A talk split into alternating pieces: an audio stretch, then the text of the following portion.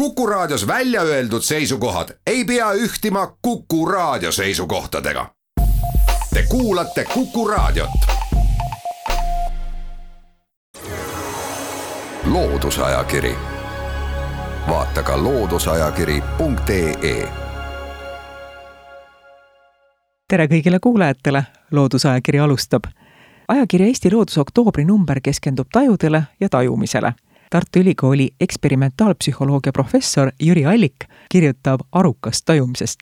professor Jüri Allik on seekordseks saatekülaliseks. tervist! tervist! mina olen saatejuht Tiia Rööp. ajakirjas Eesti Loodus ilmunud artiklis te kirjeldate kahte tajuülesannet,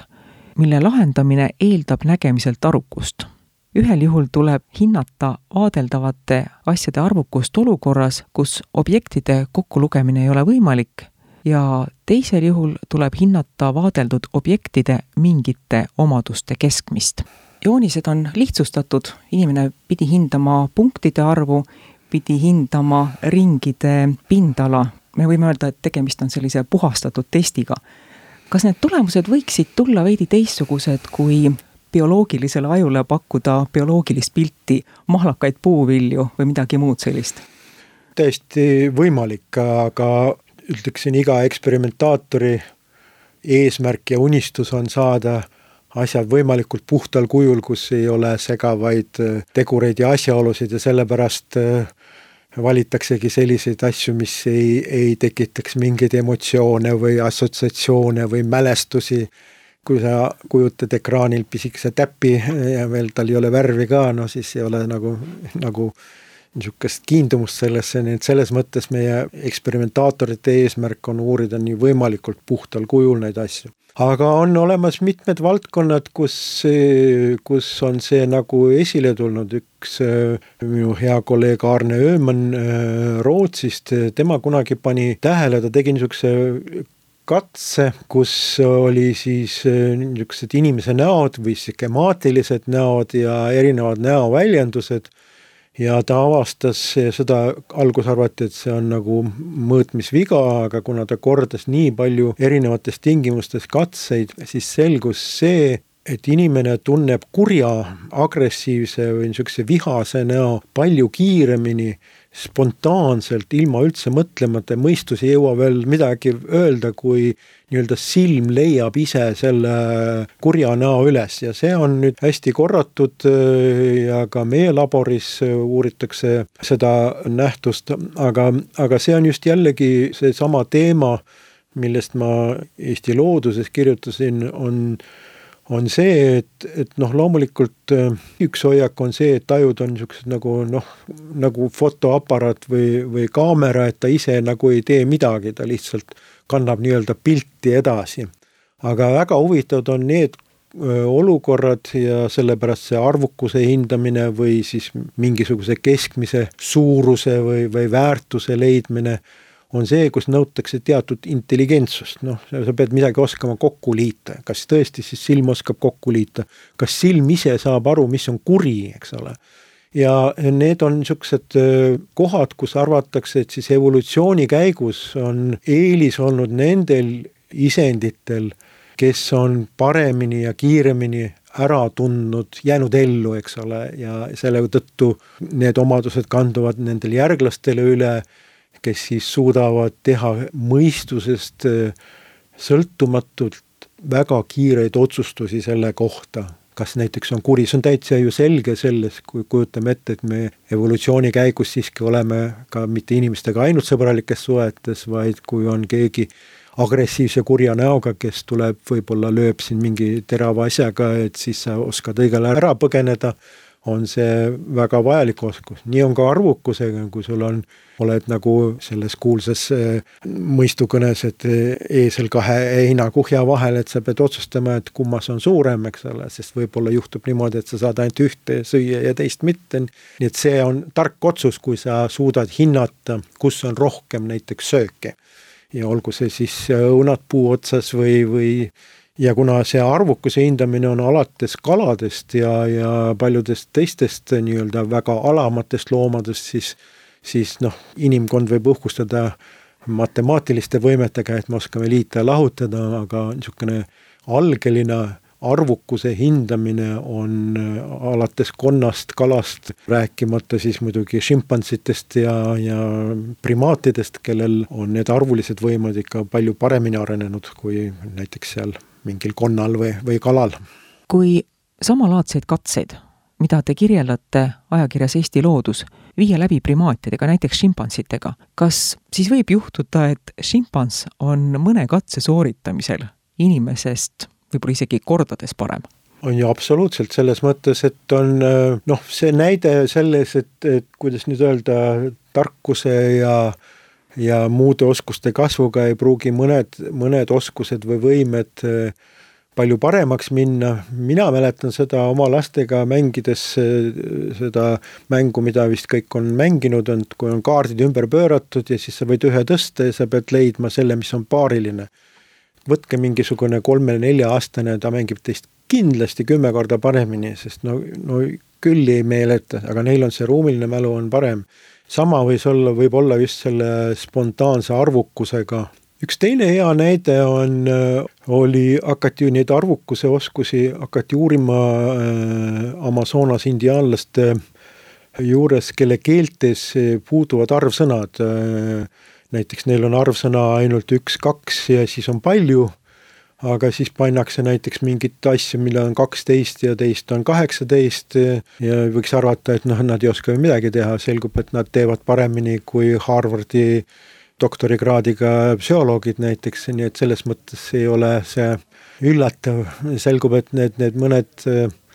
noh, mõned tajuvõimed, mis nagu esimesel pilgul võiksid olla väga kõrge intellekti ja raske õppimise ja jumal teab, mille tulemus, siis ähm, tegelikult on nad niisugused, kuidas nüüd öelda,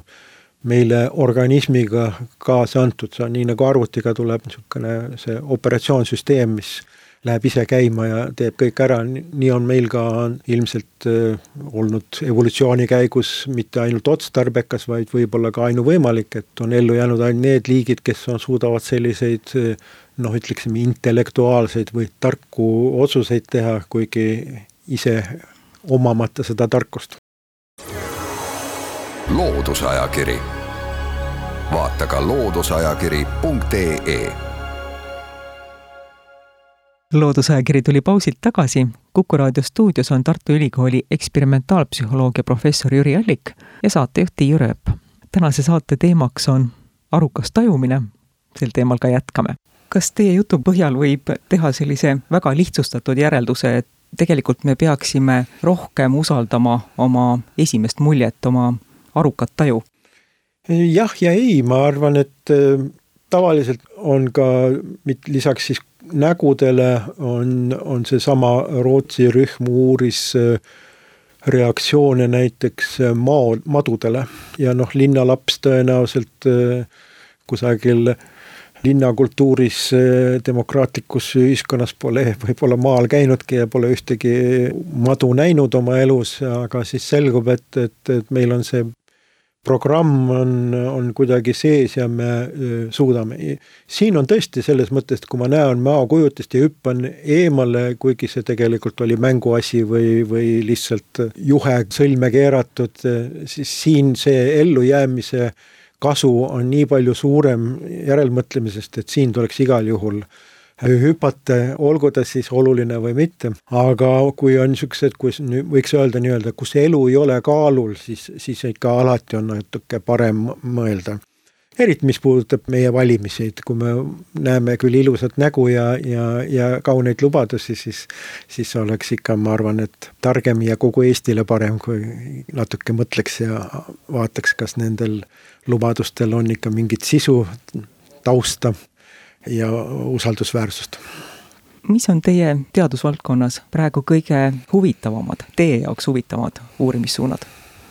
siin on raske vastata, sellepärast et ma olen niisugune mitte ainult kahe, vaid mitmepaikne, et nägemistaju on, on ainult üks teemasid, mul on mitmeid teisi teemasid ka.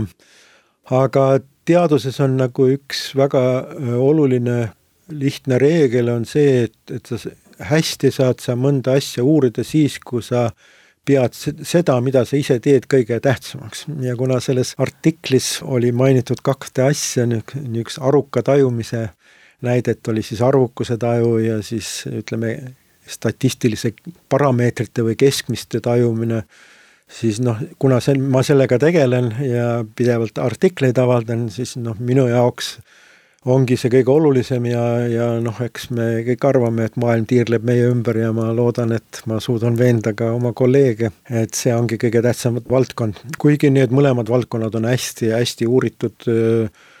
võib-olla nad ei ole kõige number üks oma nii-öelda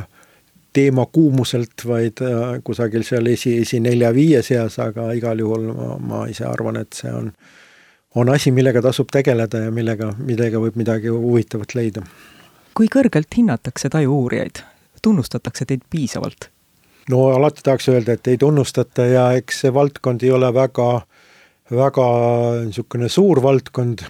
üks lihtne asi on, millega saab arvutada seda, et kui palju on ajakirju, nii et valdkond, kus on ainult kolm-neli ajakirja, ei ole väga suur valdkond. aga, aga noh, psühholoogia, minu valdkond või siis ka nägemise füsioloogia, no nad otseselt ei ole niisugused Nobeli preemia kõlblikud valdkonnad, aga aga ajalugu on näidanud, et, et parimad saavutused äh, jõuavad sinna, no näiteks äh, Georg von Bekeshi sai Nobeli preemia sellega, et ta tegi kindlaks, kuidas me kuuleme, ta leidis seda siis basilaarmembraan või siis kuulmisorgan, mis on, et kuidas ta kodeerib või kuidas ta salvestab väliseid helisid ja ka selle aasta Nobeli preemia äh, oli siis äh, puutetundlikkuse või siis ka valutundlikkuse retseptorile, mis on ka väga oluline ja kindlasti kõige, kõige niisugune arhailisem bioloogiliselt äh, tajumise mehhanism, sest äh, organismil ei pruugi silmi olla, aga, aga survet näiteks või siis valuaistingut, mis siis purustab kudesid, et need, need mehhanismid on olemas ja see võiks öelda, et kõik tajuuurijad on ikka väga rõõmsad, et, et selline suurepärane tunnustus äh, meie tajuuurijate kommuunile või seltskonnale anti, nii et see on väga tore. Ja see on muidugi selles mõttes nagu ma ütleksin ka väga oluline või, või ka sümboolne, sellepärast et äh, see, kuidas me tajume välismaailma, kuidas me võtame vastu neid mõjutusi, olgu ta siis valguse, heli või siis otseselt puudutuse või, või siis ka keemiliste ainete põhjul näiteks külmatunne, et miks me paneme, laseme mentooli naha pinnale, miks meile tundub see nahk siis külmemana ja nii edasi, nii et see on, on väga olulised viisid, kuidas me saame aru, kuidas maailm on ehitatud ja kuidas me saame seal edukalt ringi toimetada. selleks korraks Loodusajakiri lõpetab. saatejuht tänab külalist, professor Jüri Allikut, aitäh teile! ajakirja Eesti Loodus oktoobrinumbrist saatekülalise artiklist saate soovi korral lugeda näiteks sellest, milline on inimese võimekus korraga objekte tajuda ning neid meelde jätta. aitäh kuulamast, jälle kuulmiseni! loodusajakiri, vaata ka looduseajakiri.ee